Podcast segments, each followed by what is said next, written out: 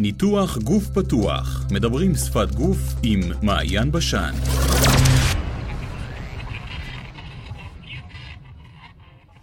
אה, יופי. אז אה, ברוכים הבאים לניתוח גוף פתוח, מדברים שפת גוף עם מעיין בשן.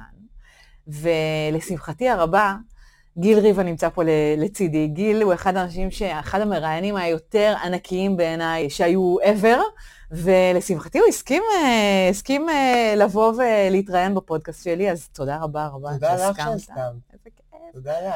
ואני רק חייבת להגיד שאני, באמת, אני שנים אה, רואה כל מיני דברים, את הלימוזינה, אני אפילו מראה קטעים מתוך הרעיונות שאתה עושה בהרצאות שלי, ו, ואני מאיזושהי, הסתכלתי עליך כאילו על בן אדם שהרבה יותר מבוגר ממני, למרות שבפועל אנחנו באותו גיל בדיוק, לא בגלל שאתה נראה, אלא בגלל הוורבליות המטורפת, הבגרות ברעיונות שלך, באמת, כאילו הייתי עמומה כשגיליתי שאתה בגילי, כן? שוב, לא בגלל המראה, אלא בגלל האיכות של המסר ואיך שאתה מעביר ואיך שאתה בוחר לראיין.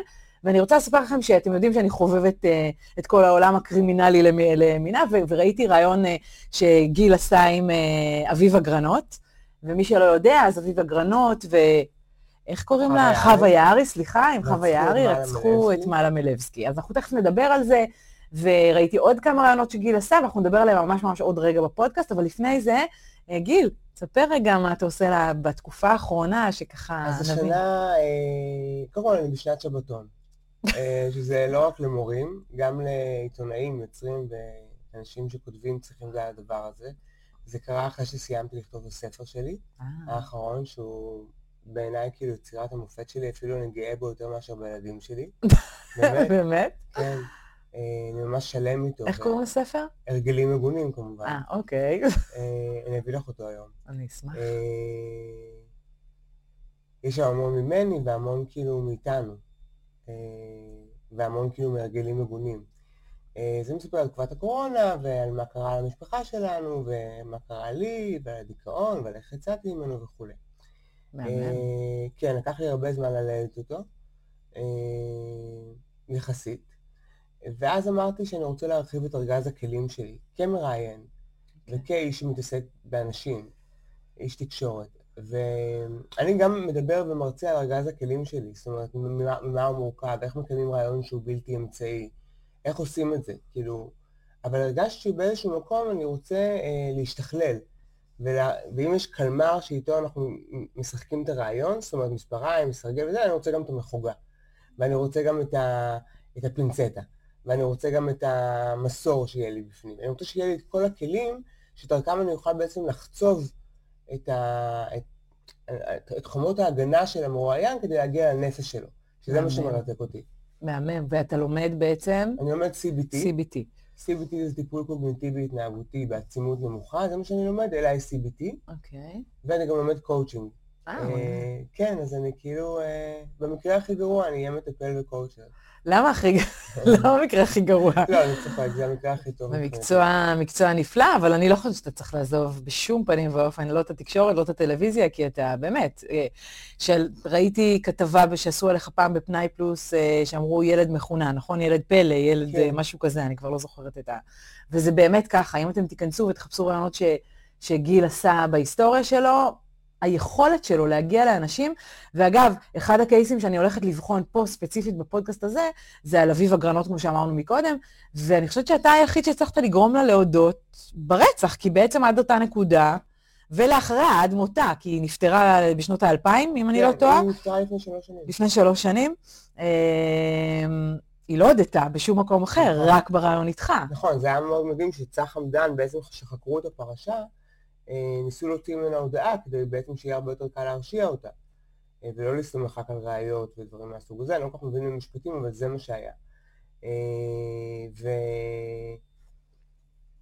ואחרי שהשגתי את הרעיון הזה, והשגתי את הסקופ הזה, את הווידוי הזה ממנה, הזמינו אותי להרצות שם, על בעצם על הרעיון הבלתי אמצעי, איך אתה באמצעות מגע, ובאמצעות אה, שבירת המרחק, הדיסטנס, כאילו, שאתה בעצם מראיין בן אדם ככה.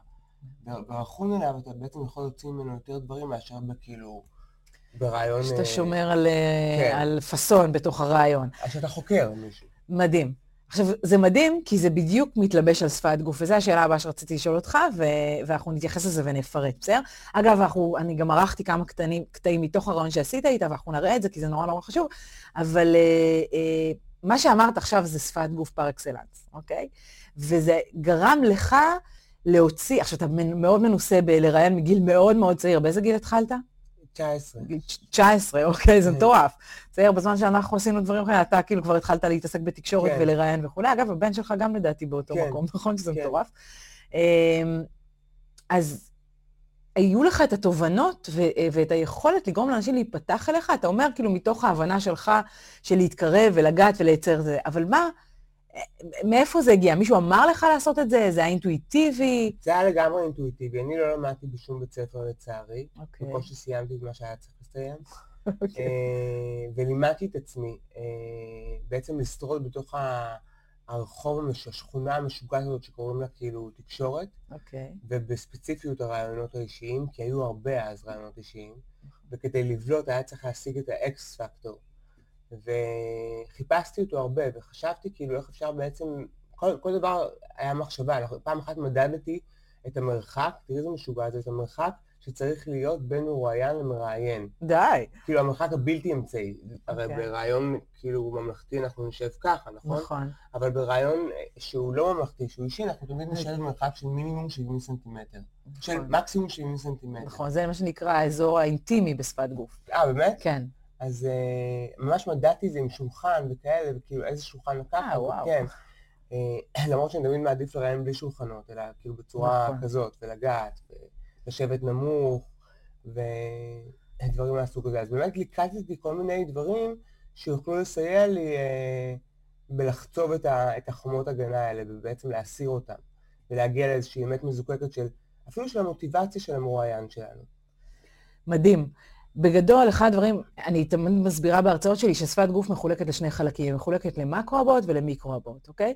החלקים שאתה דיברת עליהם זה החלקים של המקרו-הבעות, זה חלקים מודעים, מתוכננים, שאנחנו עושים מראש.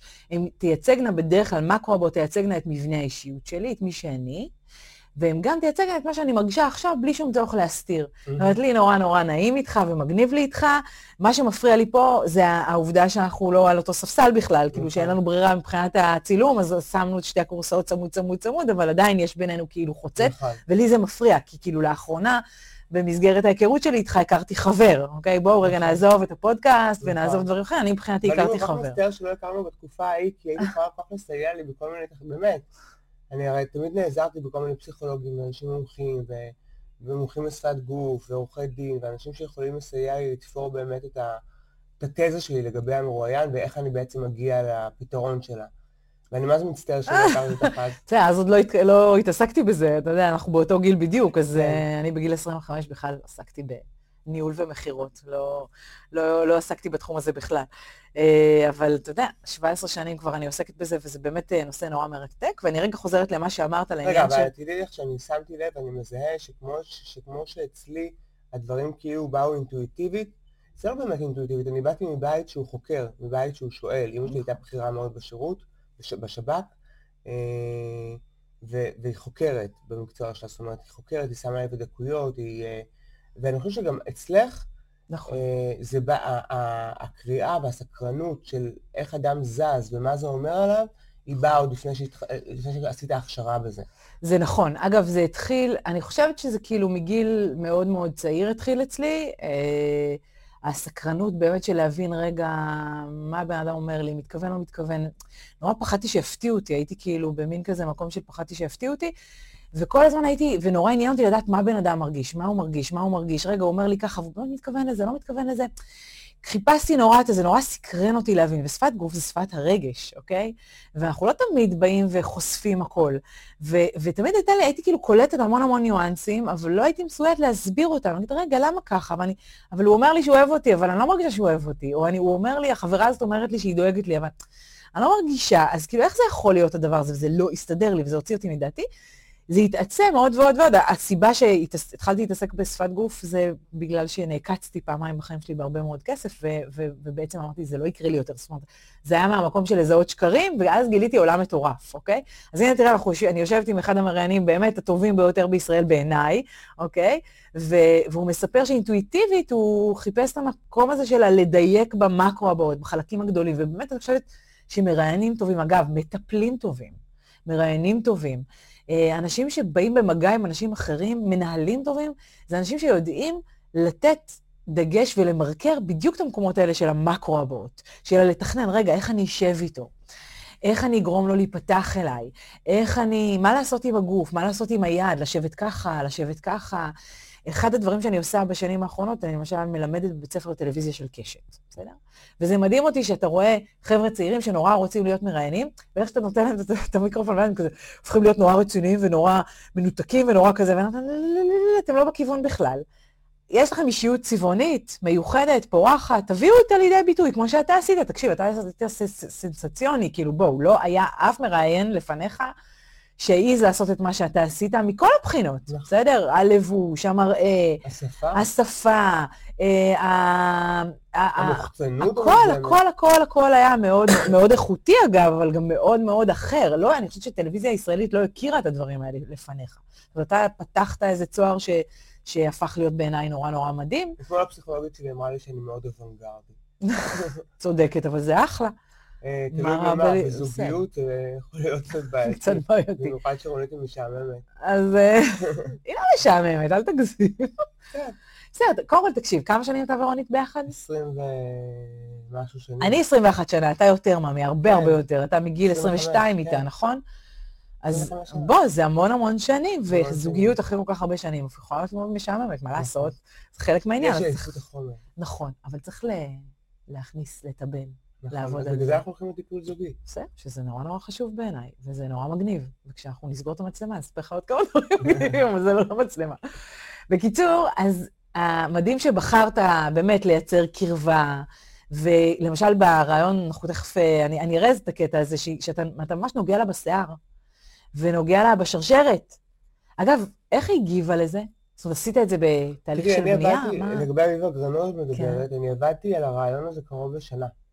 זאת אומרת שהתחממתי איתה okay. אוקיי. ולמדתי אותה בעצם שנה שלמה. וואו, ותכננת את הדברים האלה מראש? לא.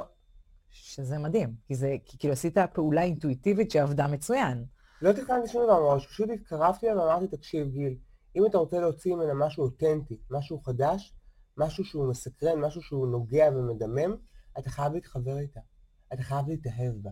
אני בכלל מאמין שבמרואיינים שלנו אנחנו צריכים להתאהב. זה נורא נוגד למשל לגישה של אילנה דיין, שאומרת שאנחנו צריכים להתרחק מהמרואיינים שלנו. כן. למרות שלדעתי אנחנו נמצאים באותה קשת, רק שאני מביא את הכותרת הרגשית, והיא מביאה את הכותרת החדשותית. נכון, נכון. העיתונאית, התחקירנית. נכון. אה, ובשיטות אחרות. אה, שזה גם בסדר, וזה גם זה, כל עוד עושים את זה בצורה איכותית, כן? כן. אוקיי. לגמרי. אה, ומה שהתחברתי לה במשך שנה, כאילו, עבדנו על הרעיון הזה שנה. אה, איתה? כאילו? זאת אומרת, נפגשת איתה לפני? נפגשתי איתה אוקיי. וכתבנו ביחד, והיא סיפרה לי, אני לא יודע אם ראיתי את כל התוכנית, אבל היא סיפרה לי על השדונים שמנהלים אותה. כן, נכון, זה ראיתי. כאילו, נכנסנו כאילו ממש לנבחי נשמתה, היא הייתה לי מכתבים שהיא כתבה שהייתה בכלא. וואו. וכן, יש לי אפילו פה כמה. באמת? אני שומר את זה, זו תערוכה שאני אעשה פעם. אוקיי. אה, והיא מאוד התמסרה לי, זאת אומרת, למדתי, למדתי כאילו בעצם איך לגרום לה להתמסר אליי ואיך לגרום לי לאהוב אותה. מהמם. כבן אדם. וכשראית אותה בפעם הראשונה, מה, מה, תראו, אני, שפת הגוף זה אינטואיציה בשיא הדרה, אוקיי? ואני תמיד מחפשת את המקום הבתולי הראשוני הראשוני הזה, אה, כי הוא בא לידי ביטוי בשפת הגוף, לכאן או לכאן, משני הצדדים. ונורא מסקרן אותי לדעת את הפגישה הראשונה שלך, שהגעת ופגשת אותה, מה הרגשת? אתה זוכר את התחושה? כן, בטח שאני זוכר מה הרגשתי, אני גם זוכר מה היה. אוקיי. אה, היא פתחה את הדלת של הבית שלה. אוקיי. אה, היא גרה באותו, באותו בית כל הזמן הזה, והיא הייתה כל כך פרנואידית שהיה לי קשה לתקשר איתה. וואו. היא כל הזמן חשבה שאני מקליט, והיא חשבה שאני כאילו הולך להשתמש במה שהיא מספרת לי מחר. אוקיי. זאת אומרת, היא ממש, אה, היא ממש הייתה, היא אפילו כתבה מכתב לסוכן שלי באותה תקופה, שהיא מבקשת ממני לא להגיע יותר. זאת אומרת, היא הייתה ממש ממש ממש מבוהלת. גם היה איזה קטע שהקלטתם את התוכנית ואז היא הוציאה צו צו איסור פרסום. איסור פרסום. אוקיי. אה, שהיה צריך ממש להילחם בזה עם דרכים משפטיות, זאת אומרת... אה, כי אחרי שצילמתם אז... אה, כן, אני גם לא זוכר מה היה הטענה שלה בדיוק, ולמה למה היא ניסתה להוציא את זה צו איסור פרסום. אוקיי. אני מניח שהסיבה היא בעצם זה שהיא מודה ברצח. כן, שהיא מודה, שבעצם פעם ראשונה שהיא מודה, אוקיי. אה, אבל מה, מה, מה... אני מנסה לחבר אותך רגע הרגשתי לאינטואיציה. שאני פוגש אישה פצועה, אוקיי. פצועה ממש. אוקיי. אה, פרנואידית, אמרתי לך. אה, אישה שהלבד שלה מצד אחד מאוד מקיים אותה, ומצד שני מאוד מאיים עליה. אוקיי. היא- היא בן אדם של אנשים, נכון? עד כמה ש... היא בן אדם, היא הייתה, שהיא העידה תראי, על היא עצמה. במקצועה היא רוקחת, זה מעניין. כן, היא הייתה רוקחת ב... נכון. ב- הייתה אפילו לא מנהלת, אה, כן, ראש אה, איגוד הרוקחים או כן, משהו, לא? משהו כזה. אה, והיא בן אדם של אנשים, וגם רואים את זה עליה שהיא בן אדם של אנשים. אבל איכשהו, כנראה בעקבות מה שקרה לה בחיים, באמת אנחנו רואים את הניתוק הזה שהיא, שהיא חווה. אבל אני פגשתי יצור או אדם מאוד חם, שמחפש יותר חום, שמחפש אהבה, ממש כן. אהבה וקרבה. ושהוא חי עם הבדידות שלו בצורה מאוד אה, דואלית. מצד אחד כאילו היא, אה, היא אה, מגינה עליו, מצד שני כאילו היא, היא פוצעת אותו. אוקיי, וואו, מעניין. וכשפגשת אותה בפעם הראשונה, עם הזמן, אחרי, בפגישה הבאה ואחרי זה וזה וזה, הרגשת שיש איזה, איזה שינוי מבחינת... כן, הרגשתי שחומות ההגנה מוסרות, אוקיי. הרגשתי שהיא מתחילה אה, להיגנב ממני, כמו שאומרים הצעירים, אוקיי.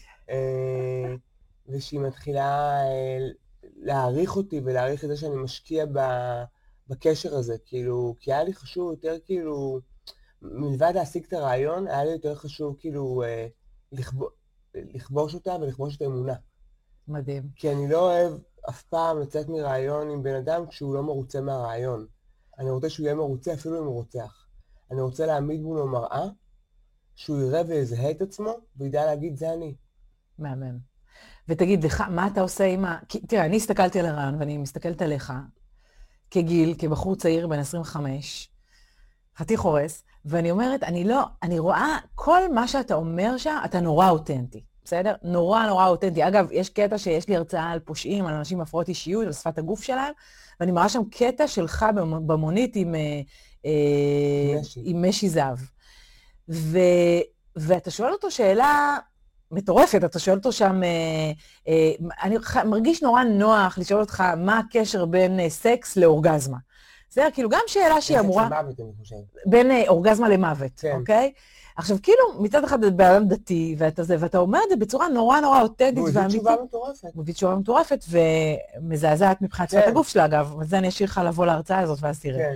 בכל מקרה, אצל אביבה, אני ראיתי אותך שואל אותה שאלות שהן נוקבות ולא פשוטות. ורגע שאתה מחמיא לה, או אתה אומר לה, "אתה- התחושה היא באמת, מבחינת שפת הגוף, הייתה הלימה מוחלטת בין שפת הגוף שלך למה שיוצא לך מהפה. אה, אה, אם אתה אומר לה, אני חושב שאת מקסימה, או אני חושב שאני כבר לא זוכרת כל מיני ניואנסים שהיו שם בתוך הרעיון, אז כל הגוף שלך מתכוון לזה. עכשיו, אני אומרת, וואלה, בחור צעיר מגיע לראיין אישה שהיא רוצחת, רוצחת אכזרית אפילו, יש לומר. בסדר? מה הרגשת? כאילו, מה... אני תמיד לפני שאני מגיע לרעיון, אני שם את עצמי על מיוט. אוקיי. אה, כאילו, אני ממש מכבה את כל מה שיש. אין, אין, זה, הר- הרעיון זה זמן, כאילו, האיכות שלי עם, אה, עם הבריאה, לצורך העניין. ממש אוקיי. ככה, כאילו, זה נשמע קלישאה ונורא רוחני, אבל זה הזמן שלי. אה, זה הזמן שלי להקסים ולהיקסם. אוקיי. אה, זה הזמן שלי לגעת בנשמה באמת. ואני מתנתק, אני מתנתק מהכל, וברעיון עצמו אה, הרגשתי כאילו ממש אה, התכוונות כאילו משני הצדדים לזקק איזושהי מין אמת החוצה. אוקיי. אה, אבל מה הרגשת כלפיה? כאילו, הנ- הנושא הזה שהייתה רוצ- שהיא רוצחת אכזרית לא הטרידה אותך? הטרידה אותי מאוד, זה היה אחת המוטיב... זה היה חלק מאוד ניכר מהמוטיבציה שלי לראיין אותה. אוקיי. כדי לראות אם היא מסוגלת להכיר בזה שהיא כזאת, אם היא מסוגלת להודות בזה שהיא כזאת, האם בכלל מה, מה הקשר שלה ומה ההדדיות שהיא רוכשת למילה אכזריות. אוקיי. את מבינה? כאילו איזה מין יחסים יש להם הדבר הזה. ומה המסקנה, אגב? אני חושב ש... אה, שהיא הייתה מאוד מוכנה למה שהיא עשתה. היא עשתה שיעורי בית מצוינים. אוקיי. היא הייתה מאוד מוכנה לרצח הזה. אני חושב אה, ידעה מה היו ההשלכות של זה. אה, ואני חושב שהיא גם ידעה איזה מחיר היא תשלם את זה. אוקיי. אה, אני לא בטוח שהיא ידעה שהיא רוצה, היא לא התכוונה להודות בזה. זאת היא אומרת, ממש לא התכוונה, אני כן. חושבת שאתה עשית לה כיפה אדומה בלי שהיא תשים לב, לא כן. מבחינה רעה, כאילו, פשוט הגפת אותה בצורה כזאת, כי איך אני יודעת את זה, ואנחנו תכף נראה את הקטע, בסדר? יש, אה, הכנתי קטעים, נכון שזה פודקאסט ושומעים אותו בספוטיפיי, אבל אפשר יהיה לראות אותו גם בווידאו, בפייסבוק שלי, אולי של גיל, אה, אנחנו נעשה זה, תוכלו לראות את זה, וגם ביוטיוב. ו, אה, ובכל מקרה, גם את הקטעים האלה, אז אה, אנחנו גם נתאר לכם, למי שלא יצא לו לראות את זה בווידאו. אז אחד הדברים שרואים שם בצורה נורא ברורה, זה שכשהיא בעצם מודה ברצח, אתה גורם לה להודות ברצח, היא, היא כל כך נבהלת מה שהיא אומרת, שהיא מסיטה את המבט ותוקעת לך מבט כזה של, כאילו, של הלם, של שוק אחרי זה, בעלה. של בהלה. בוא, בוא נראה את זה רגע, בוא נראה את אוקיי. הקטע. אז אני שואל אותך, נגיד שלא היו תוקפים את חיה עם עצמך בשלום או לא? כן או לא? זאת השאלה. לא יודעת זה לא תשובה. לא. לא לא הייתי. חיה מה המחיר הכי כבד שהיית צריכה לשלם עד היום? בגלל שאת לא רוצחת? לחיות עם הידיעה שאני כן רוצח. כן רוצח. אני כן רוצח. אני כן רוצח. מה שאנחנו בעצם רואים זה שהיא לא מישירה מבט, אוקיי? היא לא מסתכלת. אה, היא מסתכלת הצידה, היא לא מסוגלת להסתכל, להסתכל לך בעיניים מהפחד שאתה תבחן את מה שהיא מרגישה. אנחנו לא רואים שום אה, ניואנס בשפת הגוף שלה, שאני מנמיכה- מנמיכה את זה לרגע, אוקיי? אנחנו לא רואים שום ניואנס בפנים שלה שזז. בסדר? הציפייה שלי אצל אנשים נורמטיביים, בסדר? תכף אני אסביר אה, אה, איך אנחנו מבדילים את אנשים שיש להם הפרעות אישיות, כי לדעתי יש לה הפרעת אישיות קשה. אבל אה, אנשים שבכל זאת מרגישים משהו, אנחנו צריכים לראות משהו, גם אם זה קטן. זה מה שנקרא בשפת גוף מיקרו-הבעה. אני צריכה לראות זליגה כלשהי, אוקיי? עכשיו, זה שבן לא מסתכל בעיניים, הרבה פעמים יהיה מתוך המקום או שהוא משקר, או שהוא כל כך מתבייש, אבל לא מהתחושה של בושה, כי היא לא מרגישה בושה. היא פשוט לא מסיק... היא, היא, היא הצליחה, אתה הצלחת לייצר איתה כזאת, כזה חיבור ואמפתיה מהצד שלך, שהיא מפחדת להרוס את זה. אז היא לא רוצה לראות את התגובה שלך, בסדר? אז אנחנו רואים שפה בעצם במהלך הסרטון היא לא מישירה מבט, היא לא מסתכלת לך בעיניים, למרות שאתה כמעט רוכן כלפיה, ואז שהיא כבר אומרת, כן, אני רצחתי, היא כל כך נבהלת, תסתכל איזה פרצוף מבוהל יש לה. כן. היא מסתכלת לך במבט חודר, מבוהל, מיקרו הבעה של, של הפתעה ושל פחד, זה אומר הרמה של גבות, פירה של העיניים והתרחבות של אישונים, יכול והפה נהיה... סליחה. וה- והפה בעצם, אם שמת לב, הוא הולך אחורה ולמטה. בסדר? זה, זה העניין של הפחד. זה אומר שהיא מפחדת מהעובדה, היא אמרה לך שהיא היא אמרה, כן, אני מפחדת מזה שרצחת, ש, שאני אהיה רוצחת, בסדר? ובשלב הזה, מיד, שנייה, שבריר שנייה אחרי זה, היא מסתובבת לך במבט של פחד בפנים, פחד מהתגובה שלך, שהיא תאבד אותך. כי את נוצר, נוצרה איזו מערכת יחסים אינטימית. ממש. אינטימית ממש, שהיא פחדה לאכזב אותך. ואל. ובואו לא נשכח שהיא לא הסכימה להודות ברצח הזה מעולם. מעולם. בשום במה, בשום מקום, לא במשפט, לא כחרטה אחרי זה, לא ב-16 שנים שהיא ישבה בכלא, לא במסגרת אה, חקירות ש... שהעבירו אותה. ופה, מול גיל ריבה, הילד המהמם הזה שמצליח להתקרב אליה, ותראו את הרעיון הזה, כי זה רעיון מטורף בעיניי, אתה מצליח להתקרב אליה, וזה בדיוק המשחק שעשית. אחד הדברים, למשל, שאני מלמדת אנשי מכירות, או מנהלים, או אפילו פוליטיקאים, שאני יושבת איתם. אז אני מסבירה להם איך להנדס, במרכאות, את המקרו הבאות שלהם, כדי לייצר אפקט גדול יותר ותוצאה שהם רוצים לקבל טובה יותר. בסדר? אחד הדברים זה באמת איך אני מתקרב, איך אני יושב, לייצר מגע, אוקיי? אחד הדברים, אחד הדברים שאתם אתם לא הייתם, כי עוד לא צילמנו את זה, אבל uh, כשהסתדרנו פה על איך לשבת, אז גיל היה עם רגליים הפוכות. זה, שאני, זה נקרא, אגב, ברך, ברך uh, מובילה, אוקיי. בסדר? ואתה היית עם הרגליים הפוך. הברך המובילה פנתה לשם ולא אליי. אוקיי. אמרתי לך, לא, לא, לא, תשנה את הזה כדי שיהיה נכון. צורה של עיגול בינינו. נכון. אגב, למטפלים, אפרופו, כשתהיה מטפל, זה אחד הדברים מאוד מאוד חשובים, שכדאי לקחת אותם בחשבון. ממש לשבת כמו... ממש, זה, זה מה שנקרא בשפת גוף לייצר סינכרוניזציה בשפת גוף, אוקיי. אוקיי? וזה לייצר איזו תחושה של מעגל שלם בינינו, כי זה מה שעובד על התת-מודע, וזה עובד, זה אוקיי. עובד כמו קסם, בסדר? אז במקרה הספציפי הזה הצלחת לגרום לבחורה, לאישה הזאת, להודות ברצח. ש... רציתי לשאול אותך מקודם שאלה, בכיף. האם את לא חושבת שהמבט של הבהלה שלה היה גם קצת מבט כלפי עצמה, שהיא נבהלה? היא נבהלה, היא נבהלה ממה שיצא לה מהפה, מצד אחד. מצד שני, היא נבהלה מהתגובה שלך, בגלל זה היא הסתכלה עליך. כן, בסדר? אם היא הייתה נבהלת רק ממה שהיא אמרה, היא לא הייתה מסתכלת עליך. בסדר? אבל היא רצתה לבחון, רגע, היא כל כך נבהלה ממה שהיא אמרה, שהיא רצתה לראות אם גם אתה נבהלת. שהיא רצתה לראות אם היא איבדה אותך, לא איבדה אותך. זה ממש, כי, כי משולב בזה פחד, אוקיי? זה, אחרת הייתי רואה הפתעה. מהמם. בן אדם יכול להיות מופתע מניואנסים שיוצאים לו מהפה, בסדר? או מהתנהגות ספציפית שהוא מתנהג, אבל אם הוא לא מפחד מהסיטואציה הזאת, אז הוא לא, אנחנו לא נראה פחד. ופה יש פחד, הפחד הוא גם, הוא בעיקר כלפי התגובה שלך. זה איך אתה תגיב. כן, והיא גם נבהלה ממה שיצא, זאת אומרת, גם כלפי פנים וגם כלפיך, היא לא רצתה לאבד אותך, אני יכולה להבין את זה, כי יצרת מערכת יחסים מאוד מאוד מיוחדת, מאוד אינטימית, שהיא לא קיבלה אותה מאף אחד. היא גם אומרת ואמרה שהיא מתה, קראתי איזה, אה, כשהיא נפטרה, אז פרסמו על זה וזה וזה, ואז אמרו שהמשפחה שלה אמרה, אה, או חברים שעוד ככה נשארו לה וזה, שהיא, שהיא מתה בבדידות, ברור. שלא היה לה אף אחד אחרי זה. כן. בסדר, שהייתה נורא נורא בודדה.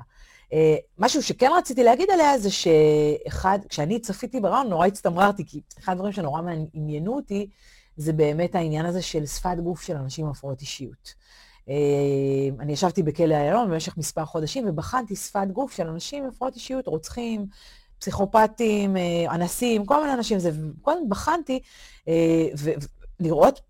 אה, מה, מה מחבר, מה שונה מאנשים נורמטיביים, מה נראה אחרת, והאמת היא שמצאתי ניואנסים שהם קבועים. ואחד הדברים שאנחנו רואים, זה בגלל שיש להם, אנשים שהם פסיכופטיים, הם מנותקים רגשית, בסדר? זה אין להם את היכולת לחוש אמפתיה כמו בן אדם רגיל. הם לא מרגישים, הם פשוט לא מרגישים, יש להם ניתוק. אגב, בכל מיני מחקרים שקראתי, יש טענה שיש פגיעה פיזיולוגית של ממש באמיגדלה, באזור מסוים במוח, שהוא אחראי על האמפתיה וכולי. ואחד הדברים שראיתי זה שבאמת הם, אותם אנשים יכולים לדבר, אגב, הם אנשים מאוד מאוד אינטליגנטים, מאוד, אגב, היא מאוד חכמה, האישה כן. הזאת. אה, הם אנשים מאוד, אה, מאוד חכמים, הם אנשים מאוד לאביבוי כזה, כולם מתים עליהם. מתים עליהם, כריזמטיים, הם יודעים לסחוף, הם יודעים אה, לגרום לאנשים לעשות בדיוק מה שהם רוצים, הם גור- כאילו מתאהבים בהם בקלות מצד אה, אה, נוסף. גם יודעים מה שאת אומרת, כי בזמנו ראיינתי גם את שרה אנג'ל, או... שהיא הייתה אה, בת זוגו של אה, שמעיה אנג'ל. נכון. והיא אמרה שאחד הדברים שגרמו לה להתאהב בו זה האישיות הסוחפת שלו. הסוחפת. שלו, נכון, כי זה בדיוק העניין. האנשים, אגב, לא ראיתי את הרעיון הזה, אני צריכה לראות. אותו. אז, אז זה בדיוק העניין, העניין הוא שזה אנשים שיודעים, הם, כל- הם מצליחים גם להקסים אותך וגם לסחוף אותך, יש להם כריזמה מטורפת, היא גם אגב מעידה ברעיון מולך, ש, שהיא הייתה מאוד אהודה ואהובה בכלא, בסדר? אבל, אה, אבל הם לא מרגישים רגש, יש שם ניתוק, ואנחנו רואים את הניתוק הזה בצורה נורא נורא ברורה אה, ב- ברעיון איתך, ובכל פעם שאתה תרגמת את זה, כששאלתי אותך על זה, אז אמרת לי, היא כאילו מנותקת, היא כאילו מתנתקת. כן. זה לא שהיא מתנתקת, היא מנותקת רוב הזמן, אוקיי. בסדר? כי היא לא מרגישה רגש כמו שאתה ואני מרגישים, זה משהו אחר לגמרי. אוקיי? זה נובע ממש ממחלה פיזית, זה מעניין פיזיולוגי, לא סתם נוצרים אנשים כאלה. אותי היה מסקרן לדעת אם היא הייתה בחיים, לשאול אותה על הרקע שלה קצת. אה, באיזה מקום היא גדלה? איזה מין אימא, אתה יצא לך לדבר איתה? כן, על, בטח. זה? על איזה אימא זה כמובן אה, אה, תשובה מאוד מאוד מורכבת, היא כמובן, הבת שלה בחיים כמובן, אבל היא לא הייתה בקשר איתה שנים. ולגבי הילדות שלה, אני זוכר שדווקא התעמקתי. לא איזה. אימא היא הייתה, איזה אימא הייתה לה. אה, איזה אימא הייתה לה. כן, איזה אימא הייתה לה. את יודעת משהו, אני זוכר שדיברנו על זה ואני לא זוכר בדיוק מה היא אמרה, אבל זה נורא מעניין באמת. זה אחד, זה מאוד מאוד מעניין. כי הרבה פעמים אנשים כאלה שיש להם אה, בעיה כזו, ספציפית וניתוק רגשי וכולי, זה נובע מטראומות ילדות ומאימא חושב מאוד מאוד הדברים שאני בעייתית. בטוח שהיא סיפרה לי זה שהיא הייתה עולה חדשה. אוקיי. אה, כן, שומעים את זה. במבטא- שומעים את זה במבטא שלה. כן, היא הייתה מארגנטינה. אה, ונדמה לי שהיחסים עם ההורים לא היו אה, משהו להתפאר בו. כן, כנראה. זה מה שאני זוכר במעומעם, אני צריך אה, להסתכל בתחקיר כדי לראות אה, יותר מה כתבתי את זה אז. כן. טוב, אני הייתי שמחה דווקא להשאיר את זה ברמה של מה אתה זוכר, כי מה שאנחנו זוכרים זה את הרגש, וזה כן, אה, חשוב. בואו נראה רגע עוד קטע שראיתי מתוך הרעיון, ואז נעבור אה, לעוד קטע נוסף, לא עם אביב אגרנות, אלא ברעיון נוסף אה, אה, שעשית דווקא לאי- לאימא של רוצח אה, מאוד מדובר, אולי הכי מפורסם בהיסטוריה. בואו נראה את זה רגע. מתי הרגשת יותר גרוע, אחרי המקרה או אחרי שנתפסת? מתי הרגשתי יותר עלבון, אתה רוצה להגיד? מתי? אחרי שנתפסתי. אתה שואל אותה שאלה מאוד מאוד נוקבת, את אביבה גרנות. אתה שואל אותה, מתי הרגשת יותר גרוע? אה, לפני המקרה? זאת אומרת, אחרי שרצחת אבל לפני שזה? או אחרי שתפסו אותך? לא, אחרי המקרה או אחרי שתפסו אותך? אחרי המקרה או אחרי שתפסו אותך? שזה, כן. שזה מטורף, בסדר? כן. שאלה מאוד נוקבת, מאוד משמעותית. שהיא גם אגב יכולה להוביל לתשובה של אה, אחרי המקרה, כאילו איזה מקרה את מדברת, המקרה מבינה? כן, היה יכול- שזה, שזה היה מדהים, ומה היא בוחרת, בוא נראה מה היא בוחרת לענות לך, שזה מטורף בעיניי, אוקיי? ואז נדבר גם על השפת גוף שלה במקביל. היא אומרת, מתי הרגשתי יותר עלבון? עכשיו, זה פר אקסלנס, הפרעת אישיות אה, פסיכופתית, כי אנחנו מבינים, אתה שואל אותה מתי הרגשת יותר גרוע, אחרי המקרה או אחרי שתפסו אותך, והיא מדברת על העלבון שהיא חשה אחרי שתפסו אותה. על. תח- תח- תחשבו מה זה, מה המילים האלה טומנות בחובם. עכשיו, בשפת גוף אנחנו לעולם לא ננתק את שפת הגוף למה שבן אדם אומר. הרבה פעמים בהרצאות אה, או בכל מיני סיטואציות שאני מנתחת אה, בתקשורת, אומרים לי, טוב, את לא צריכה לשמוע. נגיד אם יש איזה באג ולא שומעים, את לא צריכה לשמוע. את... לא, אני חייבת, כי זה הרפרנס שלי להשוואה. ברור. אז פה היא אומרת לך, היא בוחרת לדבר על העלבון שהיא חשה, היא רצחה בן אדם באכזריות. פיצצה לו את הראש, דרסה אותו הלוך ושוב, ועדיין היא מעדיפה לדבר על העלבון שהיא חשה. במקביל, היא לא מישירה מבט, משתי נכון. סיבות. היא לא רוצה לראות את התגובה שלך, אוקיי? היא לא רוצה לראות את התגובה שלך, היא מתביישת ממך, בגלל שהצלחת לעורר אצלה משהו. נכון שהיא לא מרגישה רגש כמו אנשים נורמטיביים, אבל עדיין היא לא רוצה לאבד אותך. תחשבו שהאנשים האלה מאבדים רגשות ברמה השכלית. אוקיי. היא אומרת, רגע, אם אני אגיד את הדברים בצורה כזאת, אז גיל לא יאהב אותי יותר. קוגניטיבית בעצם. כן, זה קוגניטיבית, זה שכלית, זה, זה, זה אינטרסים, אוקיי? זה לא רגש, זה אינטרסים. הם מתרגמים את זה לרמה שכלית, אוקיי. בסדר? מה זה מתרגמים? הם, חש... הם חווים את זה ברמה השכלית, לא ברמה הרגשית. ובמקביל לזה, שהיא לא מישירה אליך מבט, בסדר? אנחנו לא, הפנים שלה חתומות, שזה אחד המאפיינים המאוד בולטים אצל אנשים אה, עם הפרעות אישיות. אין רגש שאתה שאלת אותה פה על הרצח שהיא ביצעה. על מה היא הרגישה בעקבות הרצח שהיא, שהיא ביצעה, אחרי שהיא נתפסה ואחרי המקרה. בסדר? תחשבו, אתה לוקח חיים של בן אדם בצורה כל כך אכזרית, משהו צריך לקרות בפנים, איזה רגש צריך לצמוח, איזה משהו. גם אם לא באותו רגע, אחרי זה עשיתי איזה עיבוד, היא פה אחרי שהשתחררה מהכלא, היא עשתה איזה עיבוד במהלך השנים בכלא, ועדיין הפנים שלה חתומות. אם היא הייתה מנסה להסתיר, אז לא היינו רואים את זה במקרו הבאות שלה, אנחנו גם לא רואים את זה במיקרו הבאות שלה. וזה מעיד על ניתוק רגשי שהוא מאוד מאוד אופייני לאנשים שביצעו רצח או, או פשע מאוד מאוד אכזרי, אוקיי? שלא תואם את הסיטואציה. זה מדהים מה שאת אומרת, כי זה גם כנראה נורא נכון, כי יש לי כאילו איזה קילומטראז' בלראיין אה, רוצחים. אני זוכר שראיינתי בזמנו את טוביה אושרי, שגם לא הסתכל לי בעיניים אפילו פעם אחת. טוביה אושרי זה, הוא גם, לא, מכיר- לא שמעתי עליו, הוא אוקיי? היה אה, רוצח, רוצח, אה, ואני זוכר שהוא לא הסתכל לי בעיניים אפילו פעם אחת. וואו, אז מטורף. זה נורא מדהים, כאילו, מה שאומרת, אני, אני עושה כאילו מין הכללה על עוד אנשים שראיינתי שהתעסקו בדברים האלה. התעסקו. התעסקו, כן, רוצחים, ברור. רוצחים. אה, או גם אנשים שהם התעס- שהתעסקו בפלילי גם, את יודעת, בהימורים ובדברים כאלה. כן, כן, זה, זה אנשים, זה לאו דווקא חייב להיות רצח, בואי, לא כולם מגיעים למקום של רצח, אפשר לעשות עוד דברים בדרך. אז אני חושב שמה שמאפיין אותם באמת, זה מה, שעלי, מה שאת מתארת, זה באמת כאילו חוסר ה... זאת אומרת, לא מישירים מבט. הם לא מישירים מבט, הם מנותקים רגשית, אנחנו לא נראה שום סימן על הפנים שלהם שמעיד או מסגיר אותם על משהו. אגב, כן, יש אצלה תגובה רגשית מאוד מסוימת, פה, הס... הסק... בדיוק, הסקרנות שלה לראות אם היא איבדה אותך, לא איבדה אותך, אם... איך, איך תגיב לגבי התשובה שלה, כי היא הייתה מאוד כנה. אבל זה, אבל זה מזעזע. זה מזעזע, ברור. עכשיו, היא מבינה שהיא היא מבינה ש... שזה מזעזע, ולכן אנשים שהם עם הפרעת אישיות, הם יבינו, הם יבינו ברמה השכלית רגשות, אבל הם לא ידעו להרגיש אותם, בסדר? אומרת, אם אני מבין אותה נכון, ואם הבנתי אותה נכון, היא בעצם כאילו הייתה הרבה יותר מתביישת. היא לא היא מתביישת. לא הייתה לא- מתביישת, בר... היא לא מתביישת ברצח. היא לא היא מתביישת, מתביישת היא שתפסו אותה. רגש, היא מבינה, היא, היא מרגישה עלבון על זה שתפסו אותה. כן. על זה שהיא יצאה, כאילו שגילו אותה, שעלו עליה, אבל היא מבינה שהיא נותנת תשובה מאוד כנה שיכולה לזעזע אותך. כן. ולכן היא מיד מסתכלת ובוחנת את התגובה שלך. אוקיי. פה אגב, בשונה למקודם, שהיא מגלה, שהיא בעצם מודה ברצח, כן. שהיא שם היא נבהלת מזה, בסדר? שזה, היא היא חווה מידה, חובה מידה מסוימת של פחד, פה היא לא פה, פה היא בוחנת אותך, אוקיי. אוקיי? ואגב, לאורך כל הרעיון הזה, ששוב, שווה לראות אותו, ממש ממש שווה, אה, אה, היא חוז... זאת אומרת. ההתנהגות הפיזיולוגית של הזיעה, בסדר? עוד רעיון שנורא נורא סקרן אותי, שראיתי שלך, האמת היא שהיה כל כך הרבה, אמרתי, אני צריכה לעשות איתך עשר פרקים, לא אחד. לא, לא. אה, זה הרעיון של, של האימא של הרוצח הכי נתעב במדינת ישראל, יגאל עמיר. אז אימא שלו, גאולה עמיר, ראיינת אותה, בוא תספר לנו רגע איך הגעת, מה היה התהליך, ואז אה, נפנה למה. שראיתי זה היה בזכות נורא קשה. מכמה בחינות. קודם כל, אה, אה, אני תמיד אומר שאם הייתי כותב עוד ספר על חיי, זה היה מתחיל בזה שכאילו גדל, שאני נולדתי מתוך איזשהו משולש ברמודה. אה, כי אה, אה, גאולה עמיר ומשפחתה גרו בנווה עמל, שזו השכונה שבה אבא שלי ואימא שלי גדלו. וואו. אה, אצל אבא, אה, אצל אבא של...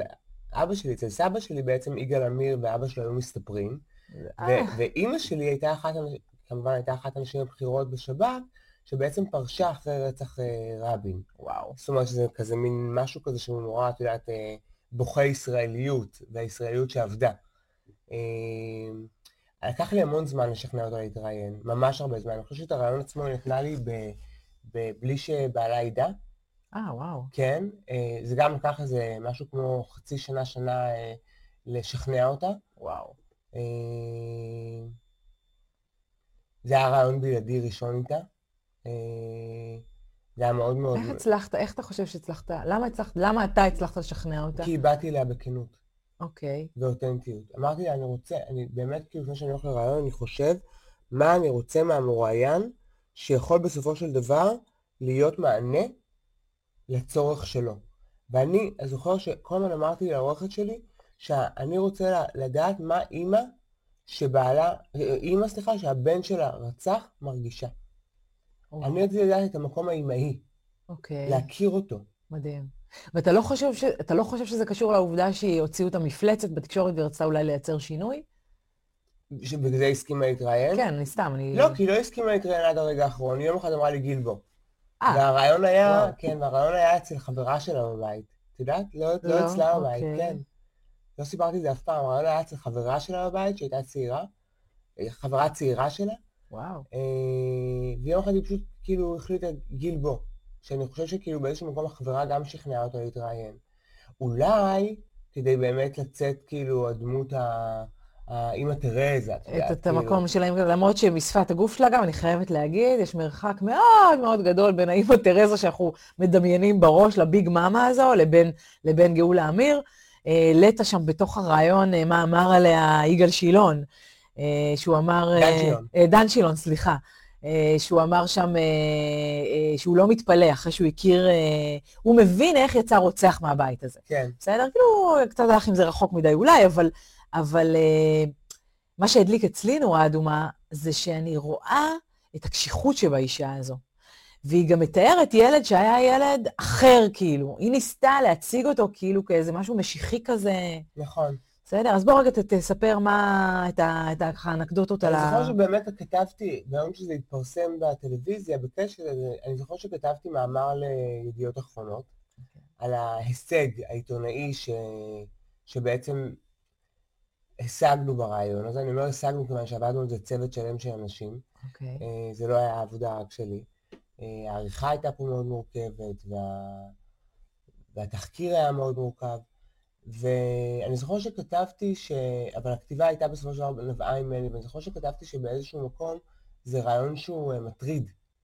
אוקיי. ושחובה לראות אותו מהסיבה היא שהוא, שהוא מציג עמדה או דעה של מישהי שאנחנו רגילים לחשוב עליה משהו מסוים, והמישהי הזאת אה, אה, אילצה את עצמה, אילצה, אילפה את עצמה להאמין שבעצם הבן שלה הוא משיח.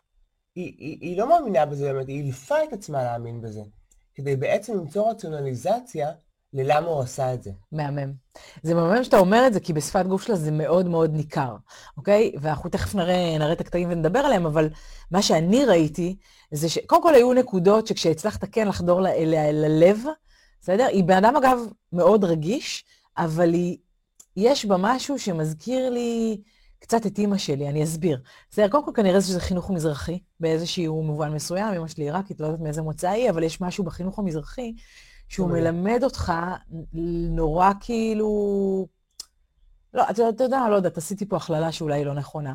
זה, אה, היא כאילו נורא אימהית, ברור לך שמדובר באדם רגיש, אבל היא אילפה את עצמה, אפרופו, לנתק את עצמה רגשית. ברור. אוקיי? עכשיו, פה גם באירוע כזה מטורף, אז היא, היא בחרה לספר לעצמה כל מיני סיפורים כדי uh, לייצר... לפרש את המציאות בצורה שהיא נוחה לה. שהיא נוחה לה. אבל זה לא שהיא באמת מאמינה בהם בכל רמ"ח איבריה, ממש ואת לא. זה רואים בזליגות של המיקרו הבאות, שהן נורא נורא בולטות, אבל כאילו בן אדם נורא נוקשה. נורא נורא נוקשה. עכשיו, אני יכולה להבין למה דן שילון אמר את מה שהוא אמר, כי נגיד לפי מחקרים למשל, אחד הדברים המאוד מאוד מובהקים על אנשים שהם רוצחים סדרתיים למשל, זה שתמיד אתה תמצא את האימא המנותקת רגשית או המתעללת רגשית. זאת אומרת, יש שם איזה חוסר רגשי מטורף, מהמם. בסדר?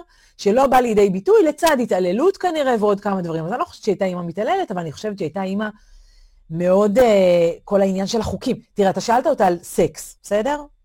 והיא אמרה לך, לא, אי אפשר לדבר על זה. הנוקשות של הבחירה של המילים, ואיך שהיא אמרה לך הייתה נורא כאילו, אין, אין גמישות, בסדר?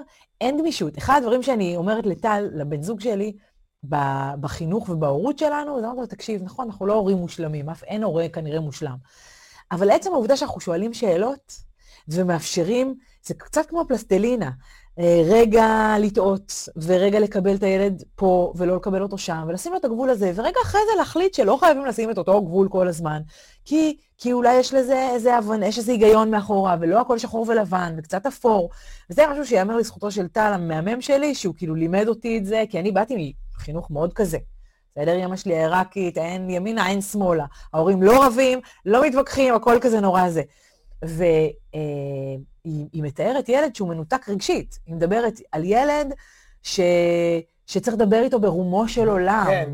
אוקיי. הוא- אומרת, הוא לא מדבר בשפה שלנו. הוא לא מדבר בשפה שלנו, אבל אתה שמת לב מה ברח לה מהפ... אני לא יודעת אם אתה זוכר, כי זה היה מזמן, אבל, אבל כשהיא מדברת על זה, בורחת לה סלידה מהפנים, מיקרו הבא של סלידה.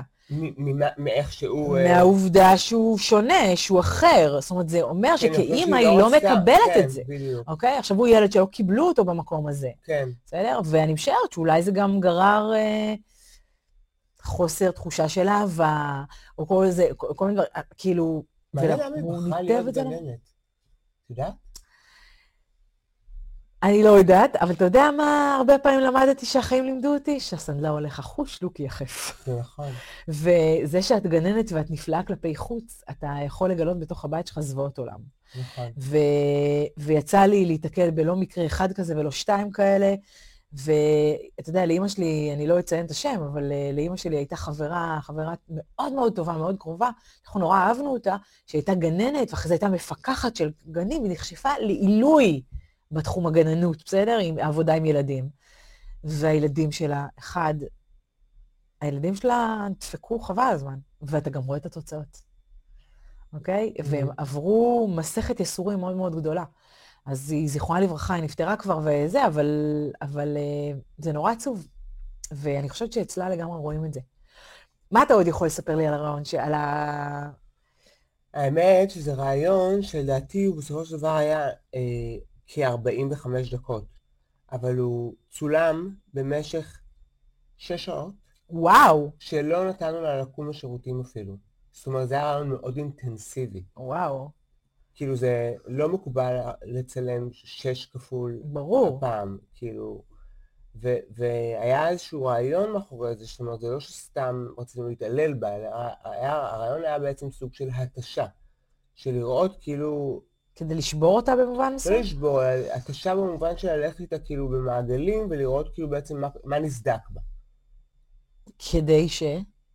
מה המטרה? כדי להוציא ממנה את האמת המזוקקת, של מה היא מרגישה כאימא של... אה, של רוצח. של רוצח. אתה הרגשת שהצלחת להשיג את המטרה? כי היא כל הזמן הייתה במקום של המשיחי. לא משנה ששפת הגוף שלה הייתה מאוד uh, ברורה שהיא, ל... שהיא מחרטט אותך. אתה הרגשת שהיא לא מדייקת? הרגשתי לא שהיא מדייקת במה שהיא אילצה את עצמה להאמין בו. שהיא כאילו מנסה להידייק בזה. מה זה אומר? זה אומר שכשהיא מספרת שב- שהבן שלה נולד משיח, והחליפה לו אותו שם, וקראה לו מאוהד אוהד. ליגאל, כי דיברו עליה מלאכים וזה, לא הרגשתי שהיא, הרגשתי שהיא משקרת את עצמה, אבל שהיא משקרת את עצמה כדי בעצם לשרוד. אבל הרגשת שהיא בתוך תוכה מאמינה לדברים שהיא אומרת? לא. אוקיי. כי, כי לא. כי היא ממש לא מאמינה, ואם אני אראה לך רגע קטעים אה, מתוך ה... אתה יודע, בגלל שרציתי שנספיק בפודקאסט לדבר עליו, אז לקחתי ככה שני קטעים מכל אה, זה, שזה יהיה ממש ממש בקטנה. אה, אבל אה, אנחנו רואים אצלה כמה דברים מאוד ברורים. אחד מהם שהיא לא, שבחלקים ניכרים, אני לקחתי רק קטע אחד, אבל חלקים ניכרים, היא מספרת סיפור, אבל היא לא, מכיוון שהיא שפויה. זאת אומרת, אין לה הפרעת אישיות, היא לא בן אדם, בשונה מאביב אגרנות, ש... אוקיי, שהיא מנותקת, היא כן בן אדם שמרגיש רגשות והרבה, אבל היא לימדה את עצמה, אבל עדיין לא... האמת הפנימית שלה, שזה מה שמדהים בשפת גוף, כי היא מגלה לי את האמת הפנימית, בסדר? אז היא לא באמת מאמינה למה שהיא אומרת. אתה יודע מה, בוא נראה את הקטע ו... ונדבר עליו. עכשיו, היות ואני יודעת בדיוק מי אני ומה אני, אז כנראה שזה מבחן בחיים. עכשיו, עכשיו, אני, אני אסביר רגע מה ראינו פה, כדי, אה, זאת אומרת, גם לצופים אה, ששומעים אותנו וגם לאלה שרואים את זה. אתה שואל אותה, על, אתה מדבר איתה על זה שבאמת הכפישו את שמה בצורה בלתי רגילה בתקשורת, והיא הפכה להיות אישה שנואה, הכי שנואה במדינת mm-hmm. ישראל, כמו הבן שלה שהיה הפך להיות הבן אדם הרוצח הכי שנוא במדינת ישראל. ו, והיא, והיא באמת מספרת על זה שחשוב לה שיאהבו אותה, חשוב לה שזה מצחיק, כאילו, היא מודעת לזה שכאילו אתה אמור, האידיאל זה להגיד, לא אכפת לי מה אנשים חושבים עליי. כן. אבל בעצם היא הודתה פה בשיא הכנות שזה חשוב לה. אה, והיא, מהמקום של האמונה אומרת, תשמע, אני, אלוהים כנראה נתן לי את מנת חלקי הטוב, עכשיו הוא אמר, את צריכה לראות גם את הצד הפחות טוב. ופה היא משתמשת במשפט מאוד חזק, והיא אומרת, אני יודעת מי אני, אוקיי? אני, אני יודעת uh, מי אני ומה אני, mm-hmm. ו, ולכן אני מוכנה כאילו להיות במבחן הזה mm-hmm. של אלוהים, ולקבל גם את זה וגם את זה, כי אני לא התערערתי במקום הזה, כי אני יודעת מי אני. אבל כשהיא אומרת את זה, מה שקורה בפועל זה שהיא עוצמת עיניים. כשבעיה מדבר ועוצם עיניים, זה אומר שהוא לא רוצה בעצם לשמוע את מה שהוא אומר. מה, הוא לא מאמין למה שהוא אומר, אוקיי? הוא לא אוחז בשתי ידיים. כשבעיה אומר משהו שהוא מאמין בו, בכל רמ"ח איבריו הוא יישיר מבט, הוא יסתכל לך דוך בתוך העיניים, mm-hmm. אוקיי? ודבר נוסף שהיא עושה, היא מגרדת בעצבנות את המצח. זה אומר שהיא בעצם חושבת על הדברים שהיא אומרת, אם שמת לב, התומוס שרירים באצבעות שלה היה מאוד גבוה, זה אחד הדברים שאני שמה לב אליהם בשפת גוף, לתומוס שרירים. היא מגרדת בעצבנות, שתומוס השרירים גבוה, זה אומרת שהיא לא ממש מחוברת למילים שהיא אומרת. היא חושבת על מה שהיא אמרה, אני באמת מחוברת למי שאני ואני באמת יודעת מי אני ומה אני? לא. אתה מבין שזה סותר את המסר, אוקיי? Okay. אוקיי? Okay? הייתי מצפה שכשבן אומר לי, אני יודע מי אני ומה אני, אז אני מתקרבת עם הגוף קדימה, אני אשאיר לך מבט לתוך העיניים ואני אשים יד על החזה, או, או אני אפתח את הידיים שלי בצורה כזו כדי להעביר מסר שאין עליו עוררין. ופה זה בדיוק הפוך, ולכן זה מאוד מאוד בעייתי. Uh, תמיד שואלים, uh, אם, אם אני אשאל אותך מה זה אומר אם בן נוגע באף, מה תגיד לי, או מה יגידו לי רוב האנשים? שהוא משקר. שהוא משקר. אז אני רוצה רגע לתת פה הבהרה מאוד ברורה. זה שבן אדם נוגע באף, זה ממש לא אומר שהוא משקר. זה יכול להיות שהוא אלרגי, זה יכול להיות שהוא מקורר, זה יכול להיות שהוא עצבני, זה יכול להיות שהוא מתרגש, זה יכול להיות שהוא הסניף קודם, אוקיי? כן. אה, ולכן זה יכול להיות המון המון דברים, ואני לעולם לא יכולה לקבוע, קודם כל, סממ, לפי סממן אחד, שהוא משקר, כי זה לא עובד ככה. ואגב, אחת הטביעות אצבע, בשפת גוף, uh, כמו שיש לנו טביעות אצבע אישיות משלנו, כן. יש לנו גם טביעות אצבע פיזיולוגיות, אוקיי? עכשיו, הרבה מאוד פעמים בסיטואציות מסוימות, כשאני מתרגש, או כשאני אה, לא רגוע, או כשאני זה, אז אחת התביעה שיכולה לחזור על עצמה, וזה מה שהיה, אגב, לאורך כל הרעיון לפחות שראיתי, זה שהיא נוגעת המון המון באף. כן. בסדר? ולאלה שיראו את הרעיון הזה, את הרעיון הזה בווידאו, אז הם יוכלו לראות שעשיתי בעצם מקבץ של, אה, אה, של גאולה, שהיא בעצם נוגעת באף בכל מיני סיטואציות. בסדר? לאורך כל הרעיון. וכל הסיטואציות האלה, אנחנו בעצם נראה שהיא כל הזמן נוגעת באף בסיטואציה שהיא מתרגשת. אתה הצלחת להוציא אותה, עכשיו זה ה... פה כאילו, זה כי אתה אומר, אוקיי, מה הקשר מזה שהיא התרגשה אליך? ואני רוצה להגיד לך שפה אני מורידה בפניך את הכובע, ולמה, אוקיי? כי היכולת שלך לגרום לה להתרגש ולייצ... ולהוציא אותה מאזור הנוחות שלה, כדי שהגוף שלה ידבר ככה, זה מיומנות, אוקיי? במיוחד לאנשים שנורא נמנעים ונורא לא רוצים, ונורא זה, אתה הצלחת להוציא ממנה אמת, כי היא משחקת משחק כל הזמן. אתה אמרת, היא כאילו רוצה להאמין במשהו מסוים. כן. בסדר? עכשיו, הצלחת, לגרום, הצלחת בעצם לערער אותה ולגרום לה להתרגש. לאו דווקא, כאילו, לא רק להתרגש, אבל מכל הסיטואציה כנראה, או אולי מהקרבה שיצרת מהחיוכים ומהליטופים שליטפת, או בה לא נגעת כי אישה דתייה אני משערת, אבל כן, משהו היה נורא רך בדמות שלך. הייתי צריכה לנתח גם אותך לתוך הפודקאסט הזה, חבל שלא עשיתי את זה, אוקיי? ו- עוד הרבה תוכניות. ונכון, וזה, ה- וזה האמת שזולגת החוצה. אז, אז זה ככה נגיעות באף, אתם מוזמנים לראות את זה באמת ב, ביוטיוב שלנו, או בפייסבוק, שאנחנו נעלה אני את זה. אשים את זה גם בפייסבוק. ואני רוצה רגע להראות לכם עוד אה, נקודה אחת, ולהראות לכם איך היא לא ממש מחוברת למה שהיא אומרת, בדיוק מה שדיברנו מקודם. בסדר? בואו נראה את זה. לא, את בטח שאלת עצמך לא שאלתי שאלות, כי זה, ידעתי שזה הקדוש ברוך הוא כיוון את זה, זה לא אני, מי אני?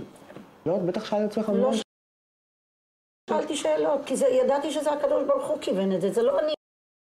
היא בעצם, מה שאנחנו רואים פה עכשיו, ואני אסביר, אה, גאולה מדברת על זה, אתה אומר לה, אה, אה, כאילו, אה, מה את מרגישה לגבי הרצח הזה כאימא, ואיך יכול להיות שזה קרה לך, ואיך הרגשת עם זה כאימא? והיא אומרת לך, אני לא מרגישה עם זה כלום, זה בכלל לא באחריות שלי, זה לא בידיים שלי, אוקיי? אני, מי אני? זה מה שהקדוש ברוך הוא קובע, זה מה שקורה. עכשיו, היא נשמעת כביכול נורא משכנעת, אבל בפועל היא לא מאמינה למילה שיוצאת לה מהפה, ולמה? כי כשהיא אומרת לך את זה, אחד, היא עוצמת עיניים.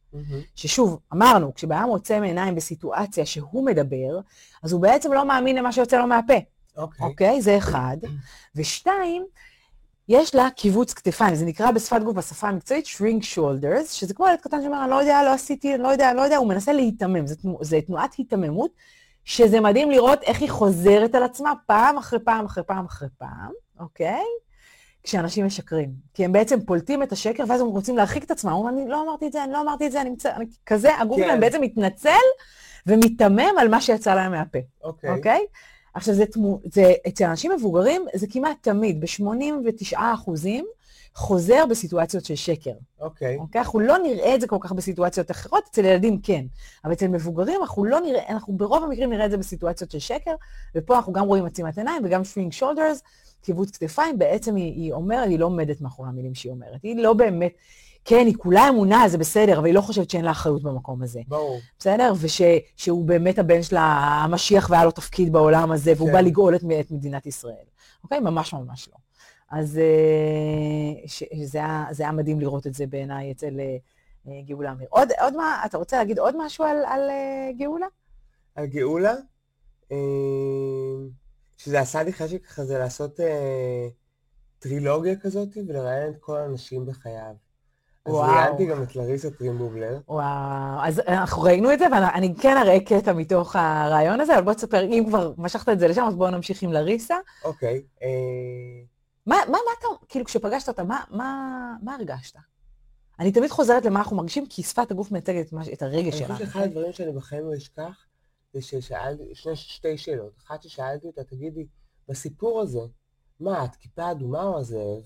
אוקיי. ואז היא אמרה לי, אני לא כיפה אדומה ואני לא הזאב. אז אותה, אז מה? אז היא אמרה לי, אני הסבתא. איזה מפחיד. וואי. אוקיי, ומה, איך התרשמת עליה כבן אדם נורמטיבי, לא נורמטיבי? אני לא התרשמתי שהיא בן אדם נורמטיבי, גם הרקע והתחקיר שעשיתי לה, כאילו, הסביר שהיא לא בן אדם נורמטיבי, היא באה כדי להתחתן וכדי לעשות ילדים לאותו משיח שמדברת עליו גאולה אמיר. אוקיי. היא גם רוצה להאמין ב, ב, באמונה הזאת, בתפיסה הזאת. אה, היא, אה, היא באה מחוג מאוד ימני קיצוני. אוקיי. אה,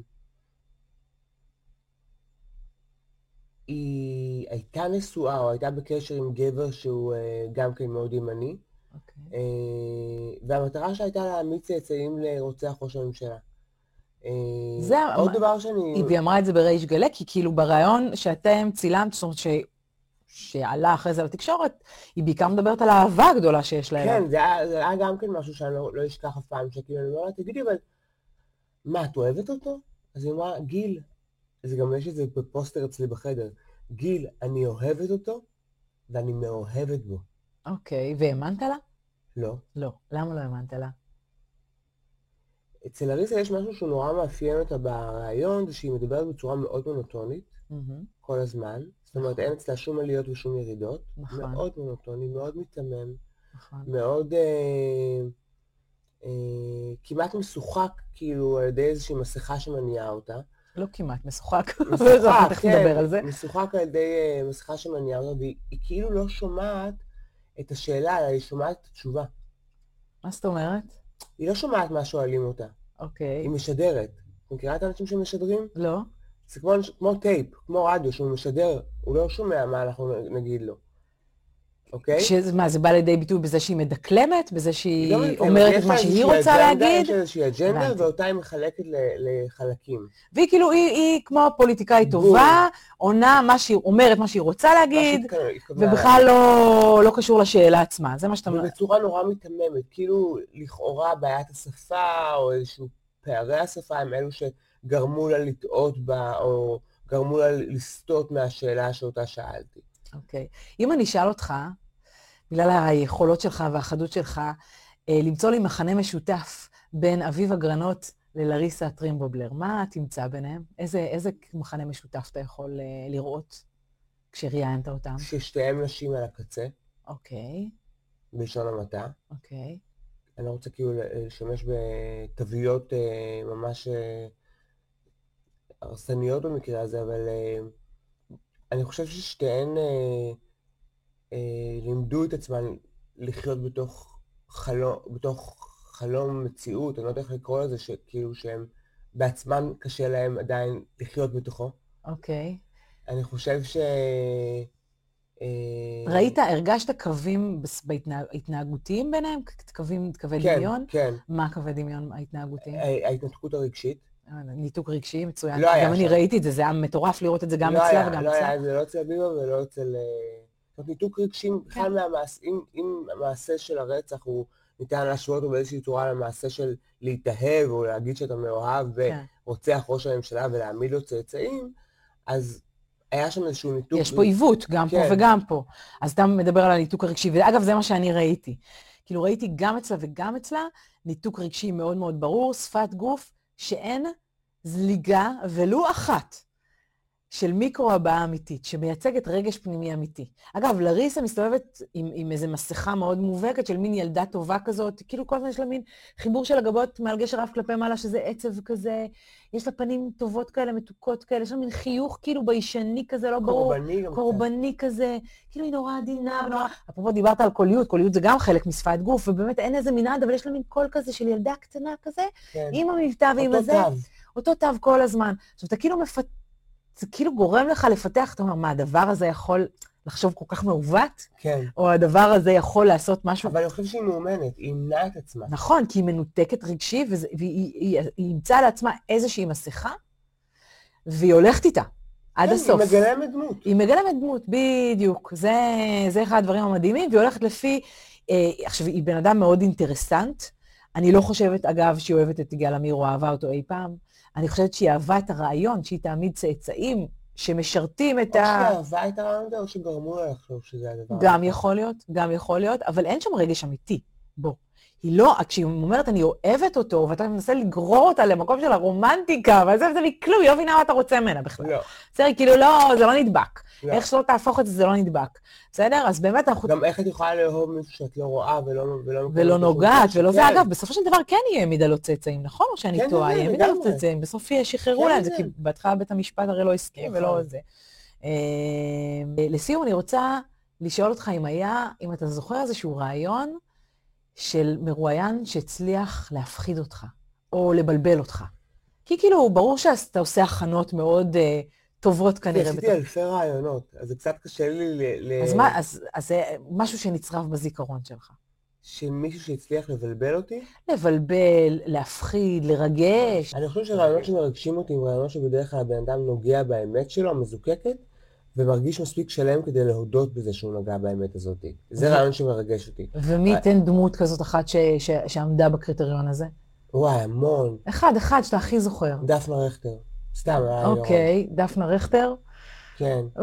מי זו דפנה דפנה רכטר, רכטר היא סליחה? הבת של חנה מרון ושל... אה, אה, אוקיי. שהיא נגעה שם באיזשהו עצב, אה, לא מהמילה עצבות, אלא מהמילה עצבים. עצבים, אוקיי. מאוד מאוד אה, חשוף.